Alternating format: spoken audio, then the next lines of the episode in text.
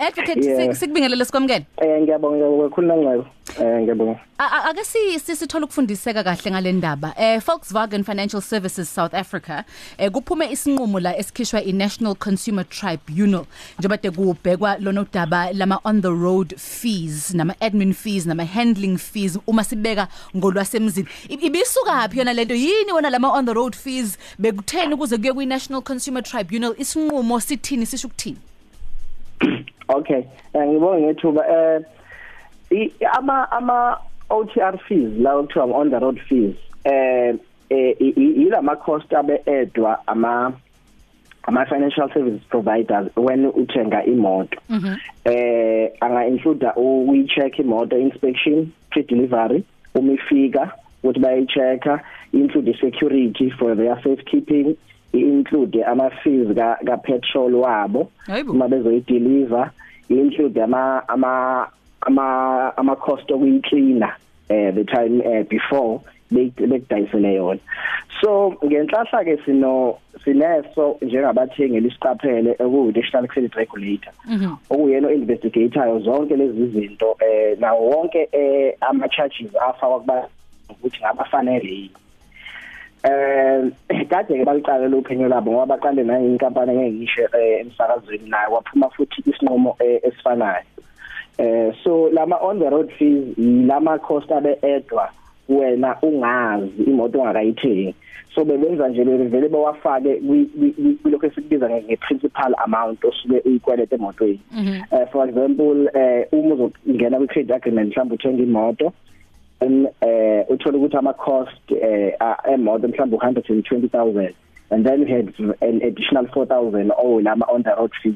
Mm. and the bad part about them is that u- uma bezofaka interest bayifaka even nakulama on the road fees. So you end up paying uh, ridiculous amounts of for ama ama cost uh, angekho emthethweni. So uh ibeke sebe sebe approach ke i National Consumer Tribunal. Okuyiyona inkantolo ke ebhekelela u- aba- abathengi eh laba bathenga sabiza ukuthi bathenga nge- nge nge credit. So i National Consumer Tribunal yabisiphuma nesinqumo sokuthi cha lama charges aziz no charge kusukela ngonyaka 2007 awekho emthethweni aphikisana nomthetho ovikela aba- abathengi okuthiwa i National Credit Act. Kwase kuthiwa cha ke bafethu ikhokheni ke le mali kodwa abazokhokha the amount ye- ye- ye- ye- ye- itself yama OTR fees kodwa bazo bazo inkantolo iorder ukuthi abakhokhe i-interest ngoba if for example ama on the road fees abeqala la ko 4000 about 8 to each debt so uh interest that was charged there kumele bayicalculate uh, and they should refund ama ama consumers Manje lokhu kuzoba into ezothinta u Volkswagen Financial Services kuphela noma sekuzoba nomthelela kuzona zonke izinkampani lezi esithenga kuzona izimoto ezisuke zinama financial services ngaphakathi?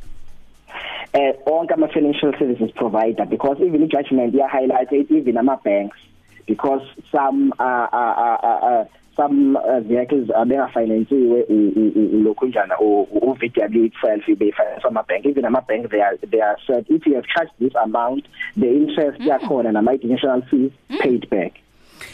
Manje kukubhekwe izimoto ez- ezazithenge kusukela nga- ngasiphi is- ngaluphi usuku noma umuphi eh ngokwe judgment unyaka 2007 so unyaka 2007 up until today. Ma- masibheka indlela yaphambili ng- ngabe lokho sekusho ukuthi kusukela ke namhlanje akusezukufakwa lawo ma on the road fees mawuthenga imoto? Yes ngokwesinqumo se-tribunal asezukufakwa kodwa eh eh asazi ukuthi because uh, I've heard ukuthi bane banenhloso zokuyiappeal abakwa abakwa Volkswagen so we, we don't know if they do appeal it uh, but as we stand the judgment as we stand ithi abakhokhe back imali. Then mabeqeda ukuyikhokha they must submit i report to i, i, i, i national credit regulator to confirm ukuthi na cha eh, sesibakhokhele 2 minutes to 8 uyena ke advocate Lungelo ngobese besibheka naye ke eh kuyona ke ingosi yethu ezomthetho. Sithi- sithi funda ngelungelo lakho ngesinqumo esithathwe yiNational Consumer Tribunal. Um advocate mhlambe um- umuntu angaba nokuthi hey ngenze njani? Ngisukume ngibafonele ngibuze ngemali yami. Ngisayolanda imali yami. Noma fanele fanele ulinde kube yibona abak- abakuthintayo Ku- ku- kuzohleleka kanjani?